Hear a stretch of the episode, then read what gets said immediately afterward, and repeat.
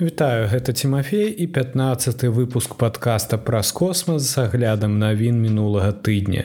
Сёння раскажу вам аб SpaceX, які ўпершыню гісторыі заправіў старship, планах па стварэнню новага невялікага тэлескопа на арбіце зямлі, гіганцкі айсберг, які адкалоўся ад ледніка бранта, зніжэнне ўплыву Starлінк на астранамічныя даследаванні, пра месяцаход Юту 2 і іншым. Давайте пачынаць.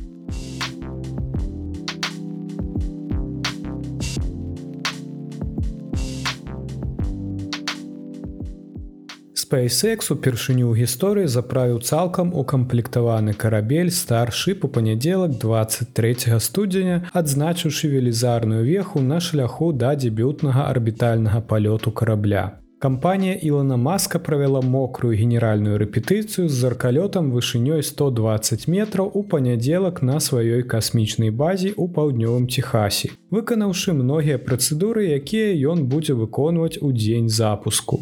Спіс спраў уключаў загрузку вадкага кіслароду і вадкага метанавага паліва ў першую прыступку звыш цяжкога карабля і верхнюю прыступку карабля старship, якія SpaceX склаў разам на арбітальнай стартавай пляцоўкі Starbase у пачатку гэтага месяца.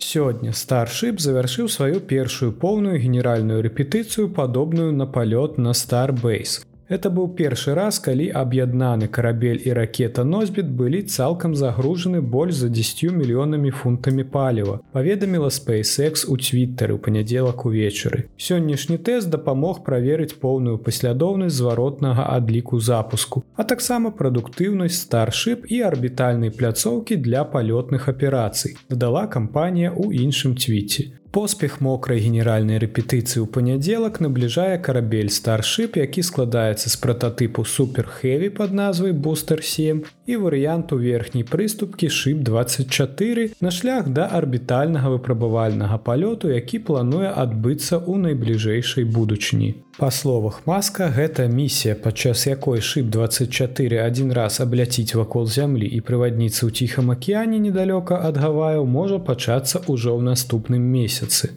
Аднак SpaceX усё яшчэ трэба адзначыць некаторыя важныя пункты, каб гэта адбылося. Напрыклад, кампанія разбярэ старship, каб адначасова выпрабаваць усе 33 рухавіка раптор бустер 7. У самым магутным выпрабаванні статычнага агню, якое SpaceX праводзіла на сённяшні дзень, удзельнічала ўсяго 14 раптараў. SpaceX распрацоўвае старship, каб дастаўляць людзей і грузы на месяц, марс і далей. NASA выбрала гэты апарат у якасці першага пілатуймага месяцовага пасадачнага модуля для сваёй праграмы Атэміс. А японскі мільярдэр Юсаку Маэдзава забраніраваў на гэтым апараце кругасветны палёт для сябе і некалькіх мастакоў і ўплывовых асоб. SpaceX таксама разлічвае, што старship запусціць большую частку сваіх вялікіх інтэрнэт-спадарожнікаў новага пакалення Starlink 2.0. І ў нейкі момант возьме на сябе практычна ўсе абавязкі кампаній па касмічных палётах. Хоць будучыня касмічных палётаў старship павінна быць насычаны, апарат знаходзіцца на зямлі ўжо амаль два гады. Апошні выпрабавальны палёт старship адбыўся ў траўні 2021 года. Ён адправіў прататып верхняй прыступкі з трымя рухавікамі пад назвай SN15 прыкладна на 10 кіламетраў неба над Starbase. Некалькі іншых прататыпаў зоркалёта верхняй прыступкі здзейснілі аналагічныя вандраванні раней але SN15 быў першым, які здзейсніў пасадку. Працягваем сачыць за гэтым, падобна на тое, што вельмі хутка мы зможам убачыць, як гэты мегакарабель адарвецца ад зямлі.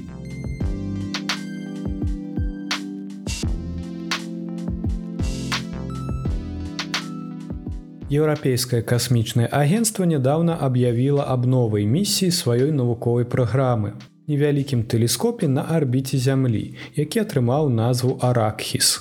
Чакаецца, што гэты спрытны спадарожнік скокне вышэй за сваю вагу і паспрабуе адсачыць цёмную матэрыю, адну з самых няўлоўных і загадкавых субстанцый у сусвеце. Гэты тэрмін цёмная матэрыя быў дадзены гіпатэтычнай нябачнай матэрыі, якая лічыцца больш распаўсюджанай, чым звычайная матэрыя і аказвае гравітыцыйны ўплыў на сваё асяроддзе. Місія класіфікуецца як хуткая, што азначае, што яна меншая па памеры больш мэтанакіраваная і мае больш хуткі абарот. Менш за 10 гадоў да запуску, чым іншыя тыпы місій агенства. Папярэдняя хуткая місія агенства, абраная ў 2019 годзе называецца комет інтэрсептор. Гэты зонт ужо прыпаркаваны ў стабільнай кропцы сонечнай сістэмы і чакае камету, якая павінна прыляцець міма яго, што адбудзецца прыкладна падчас запуску аракхіса ў пачатку 2030х гадоў. Паколькі цёмная матэрыя ўсё яшчэ ўцякае ад выяўлення, місія будзе нацэлена на крыніцу святла адчувальную да яго. На дадзены момант лічыцца, што звычайная матэрыя гэта матэрыял, які на самой справе выпраменьвае святло. Напрыклад, зоркі ў галактыках рухаюцца ў асноўным пад уплывам цёмнай матэрыі.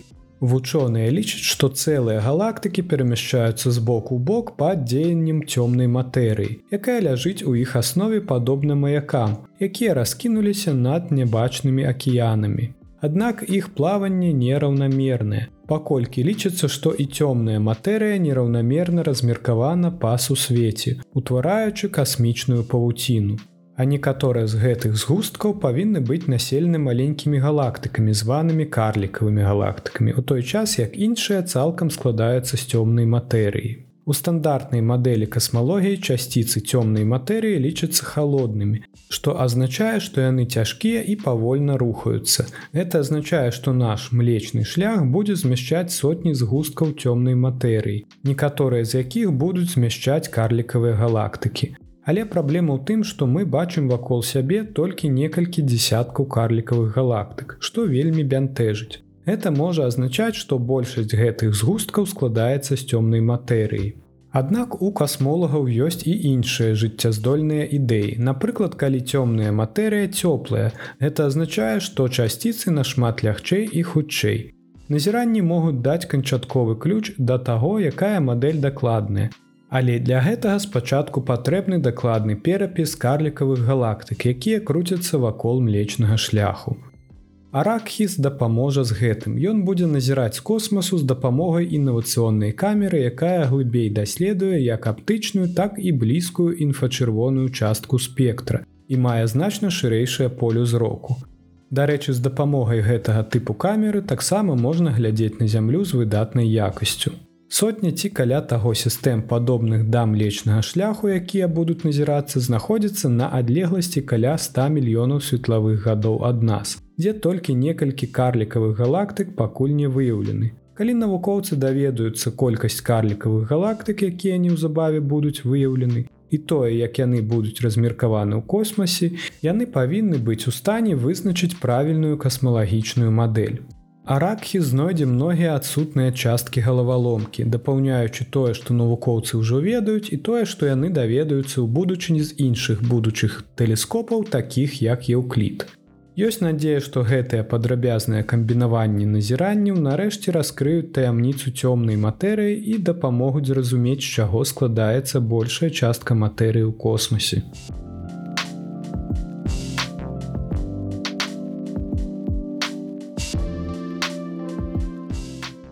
Гіганцкі айсберг памерам амаль з Лондон адкалоўся ад шельфа ледніка бранта ў заходняй антарктідзе ў нядзелю 22 студзеня. Паводле заявы ад брытанскай антарктычнай службы шельф адкалоўся падчас вясновага прыліву, які супадае з поўні і маладзіком. З таго часу, як айсберг адкалоўся, некалькі спадарожнікаў прыляцелі над гэтай тэрыторыяй, сфотаграфаваўшы безгаспадарны трохкутны ледзяны фрагмент. Брытанская антарктычная служба, якая кіруе даследчай станцыі галея на шельфавым ледніку бранта ацаніла памер айсберга, які адкалоўся ў 1550 квадратных кіламетраў. Гэта прыкладна памер лонданскай агламерацыі. Вы можете паглядзець на здымак айсберга па спасылцы ў апісанні. Адкол не звязаны са сменай клімату, гаворыцца ў заяве брытанскай арктычнай службы і выкліканы натуральнымі працэсамі, якія адбываюцца ўжо больш за 10 гадоў. Айсберг адкалоўся ўздоўж расколены, за якой навукоўцы назіраюць 2012 года.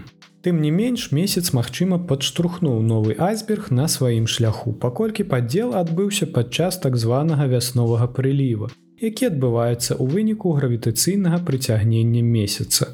У заяве брытанскай арктычнай службы гаворыцца, што падзел з'яўляецца другой падобнай падзеяй за апошнія два гады, якая закранае шэльфавы ледавік бранта. Служба кантралюе тэрыторыю з дапамогай аўтаматызаванай сеткі высокадакладных датчыкаў GPS, а таксама дадзеных са спадарожнікаў назірання за зямлёй. Шэльфавы ледавік бранта таўшынёй 150 метраў уяўляе сабой плавучы ледзяны востраў, які перамяшчаецца з хуткасцю да двух кіламетраў у год на захад у мора Уэдала.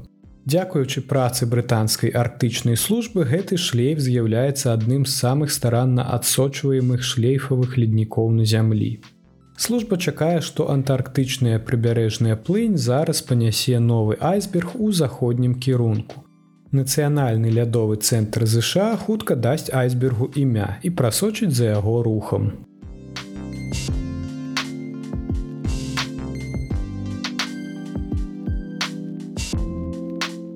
Схаваная нябачная раней калонія пінгвінаў заўважана з космасу.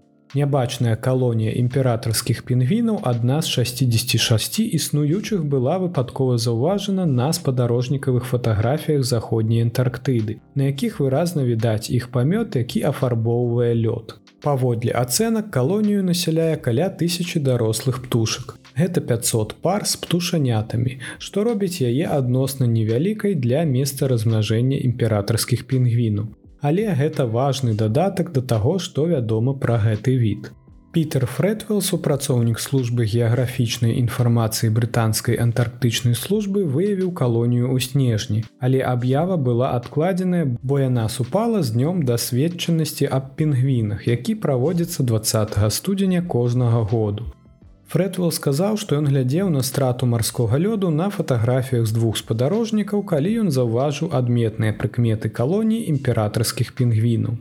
Калоніі імператорскіх пінгвінаў часта бываюць выдаленымі і цяжкімі для вывучэння. Але навукоўцы выявілі некалькі такіх калоній на спадарожнікавых фатаграфіях берагавой лініі Антарктыды за апошнія 15 гадоў. Нядаўнія спадарожнікавыя даследаванні нават паказалі, што імператорскіх пінгвінаў у антаркцыцы можа быць прыкладна на 20соткаў больш, чым меркавалася раней. Імператорскія пінгвіны размножваюцца выключна на шчыльным марскім лёдзе. Пацяпленне клімату і раставанне льду адбіваецца на іх размнажэнні. Заходняя Антарктыка ўжо моцна пацярпела ад змены клімату. У мінулым годзе ў нас была мінімальная плошча марскога лёду, а ў гэтым годзе сітуацыя яшчэ горшая ўжо два гады запар, сказаў Фредвелл.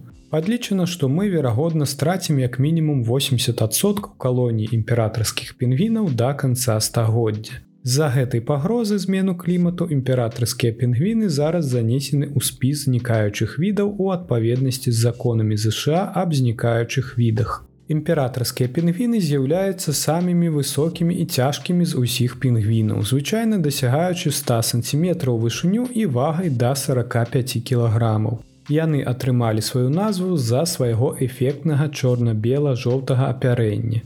Імператорскія пінгвіны праводзяць большую частку антарктычнага лета, ныраючы за рыбай і ракападобнымі. Яны размнажаюцца ў цёмныя зімовыя месяцы на паверхні згуртаванага марскога лёду часам на адлегласці больш за 50 кіламетраў ад адкрытага акеана, дзе тэмпература можа апусціцца да мінус 60 градусаў па Цельсіі. Мы крыху адышлі ад тэмы падкаста. Наступная навіна будзе дакладна пра космас.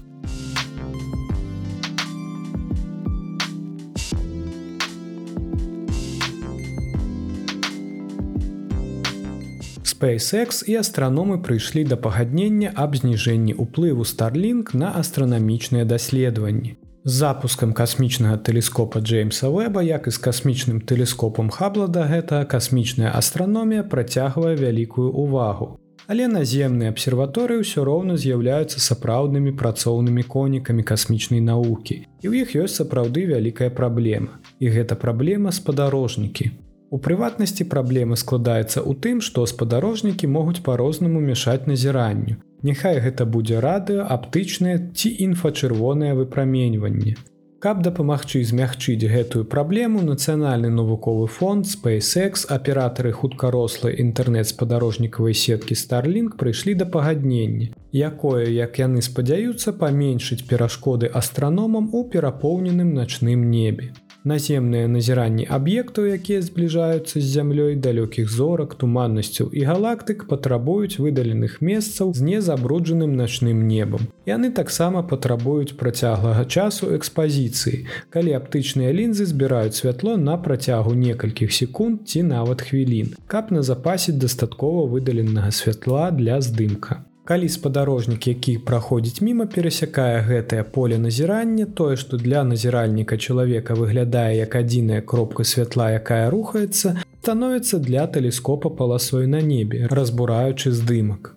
Даследаванне 2022 года показвае што ў архіўных назіраннях зробленых у Каліфорніі ў перыяд з лістапада 2019 года па верасень 2021 года была выяўлена 5301 паласа спадарожнікаў. У 2019 годзе было закранута 0,5соткаў здымкаў, а цяпер закранута амаль 20соткаў. Сказаў Пшемык Мроз былы дактарант каліфарнійскага тэхналагічнага інстытута і вядучы аўтар даследавання. Каб паменшыць гэты ўплыў SpaceX ужо пачало працаваць над мадэрнізацыяй сваіх спадарожнікаў Starlink другого пакалення. У тым ліку змяняе сонечныя батарэі, дээлектрычную плёнку і зрабіўшы новы выгляд чорнай фарбы для сваіх спадарожнікаў, якая павінна паменшыць яркасць. SpaceX таксама пагадзілася паглядзець наколькі моцна лазеры, якія нацыянальны навуковы фонд выкарыстоўвае для паляпшэння зроку сваіх інструментаў, на самой справе ўплываюць на працу спадарожнікаў. Абсерваторыі выключалі свае лазеры кожны раз, калі паблізу знаходзіўся спадарожнік Starlink. Але паводле заявы у гэтым больш няма неабходнасці. SpaceX вырашае праблемы радыоастраномаў, а таксама оптыкі. Кампанія пагадзілася на шэраг намаганняў па каардынацыі, паколькі спадарожнікі Starlink выкарыстоўваюць радыёдыапазон, вельмі блізкі да таго, які выкарыстоўваюць для радыоастраноміі. Акрамя таго, кампанія пагадзілася вывучаць уплыў тэрміналаў Starlink, размешчаных побач з Very Large Array у Нью-Мексіка і абсерваторыі Greenbank у заходняй Вірджыніі. SpaceX і нацыянальны навуковы фонд таксама дамовіліся больш цесна супрацоўнічаць у будучыні, каб вырашыць праблемы астранамічнай супольнасці па меры ўзнікнення новых праблем і па меры таго, як спадарожнікавая групоўка Starлін становіцца яшчэ больш мы рыхтуем глебу для паспяховага партнёрства паміж камерцыйнымі і грамадскімі арганізацыямі, якое дазволіць важным навуковым даследаванням развівацца разам са спадарожнікавай сувязю, гаворыцца ў заяве нацыянальнага навуковага фонду.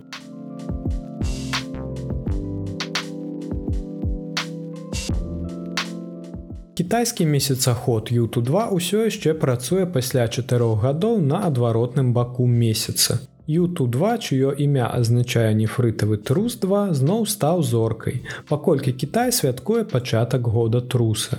Юту2 з'яўляецца часткай гістарычнай місіі Change 4, якая здзейсніла першую гісторыю мяккую пасадку на адваротным баку месяца ў студзені 2019 года. Месяцаход прачнуўся 15 студзеня, каб начаць свой 51 месяцовы дзень. Адзін месяцовы дзень доўжыцца каля 29 з паловай зямных сутак. За чатыры гады даследавання ў месяцаход перадолеў у агульнай складанасці 1455 метраў. Праз кратер фон кармін і цяпер знаходзіцца ў 2837 метрах на паўночным захадзе ад пасадачнага модуля Change 4, з якога ён скаціўся на месяц. Шасціколавы месяцаход Юту2 вагай 140 кг падчас сваіх вандраванняў зрабіў шэраг навуковых і незвычайных адкрыццяў. У тым ліку выявіў некалькі асобных пластоў пароды пад месяцовай паверхняй і выклікаў хваляванне, калі знайшоў таямнічую халупу. Таямнічая халупа гэта квадратны аб'ект падобны на хаціну або халупу у пустым месяцовым полі. З-за гэтага аб'екту месяцаходу нават прыйшлося змяніць свой маршрут.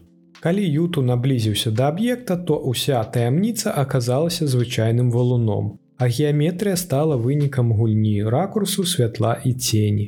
Між тым Кітай яшчэ не даў абноўленую інфармацыю аб сваім марсаходзе жыронг, які да гэтага часу захоўвае маўчанне, нягледзячы на тое, што чакала, што ён адновіць сваю дзейнасць на чырвонай планеце ў снежні 2022 года.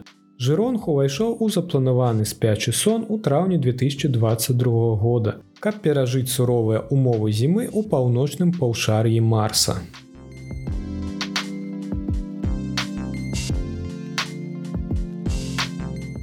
І гэта ўсе навіны, пра якія я хацеў расказаць вам у гэтым выпуску.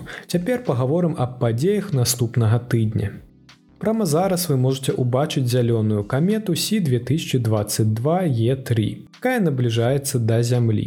Не прапусціце свой шанс убачыць гэтага госця з далёкіх куткоў нашай сонечнай сістэмы, паколькі ён рыхтуецца максімальна наблізіцца да зямлі. Зялёная камета Сі 2023 і 3 павінна быць бачная неўзброеным вокам пры правільным цёмным небе. Камета хутка набліжаецца да перыгею, на бліжэйшай кропкі да зямлі, што палягчае яе выяўленне ў начным небе. Камета ўпершыню была выяўлена ў сакавіку 2022 года астраномамі з паламарскай абсерваторыю Каліфорніі і з лістапада камета становіцца ўсё ярчэй, здзіўляючы астрафатографаў сваім бліскучым зялёным хвастом. Камета Сі 2022 і 3 у цяперашні час рухаецца па паўночным небе і павінна дасягнуць максімальнай яркасці ў першых чыслах лютага. Каб убачыць камету сваімі вачыма, паглядзіце на поўнач адразу пасля заходу сонца і звярніце ўвагу на слабае зялёнае свячэнне. Пры правільным цёмным небе камета можа быць бачная неўзброеным вокам, але бінокль безумоўна аблегчыць працу. Камета Сі 2022 і 3 даступная для адсочвання ў большасці асноўных дадаткаў для астраноміі і адсочвання неба, такіх як Skywalk або Sky Tonight. У студзені з-за моцнага сонечнага ветру частка хваста каметы адарвалася. А зусім нядаўна камета Сі 2022 і 3 сфармавала так званы антыхвост, з'ява з-за якой у каметы з'яўляецца другі хвост завёрнуты наперад. На самой справе антыхвост гэта аптычная ілюзія, якая ўзнікае, калі буйнейшыя часціцы пылу ўтвараюць дыск уздоўж арбіты каметы. 5 лютага наступіць поўня, вядомая як снежны месяц. Гэта здарыцца ў 1829 па Грынвічы. 29 і 31 студзеня ракета SpaceX Falcon 9 запусціць яшчэ некалькі партый інтэрнэт-спадарожнікаў Starlin. Першы палёт будзе з базы касмічных сіл Вандерберг у Каліфорніі, другі з касмічнага цэнтра Кеннеді ў Флорыдзе. 5 лютага ракета SpaceX Falcon 9 запусціць спадарожнік сувязі Amazonas Nexus для іспанскай кампаніі His Passat. Amazonas Nexus забяспечыць шырокапалоснае падключэнне да самалётаў, караблёў і іншых мабільных карыстальнікаў у паўночнай і паўднёвай Амерыцы, Грэнландіі і транспартных калідорах праз Атлантычны акеан. Ракета носьбіт першай прыступкі Falcon 9 прызямліцца на беспілотны карабель у Атлантычным акеане. Дзякуй, што даслухалі да канца. Вялікая падзяка маім патронам. Вы заўсёды можете далучыцца і за кубачак кавы ў месяц падтрымаць мяне. Таксама, калі ласка подписывайтеся на мае сацыяльныя сеткі. Да пабачэння пачуемся на наступным тыдні.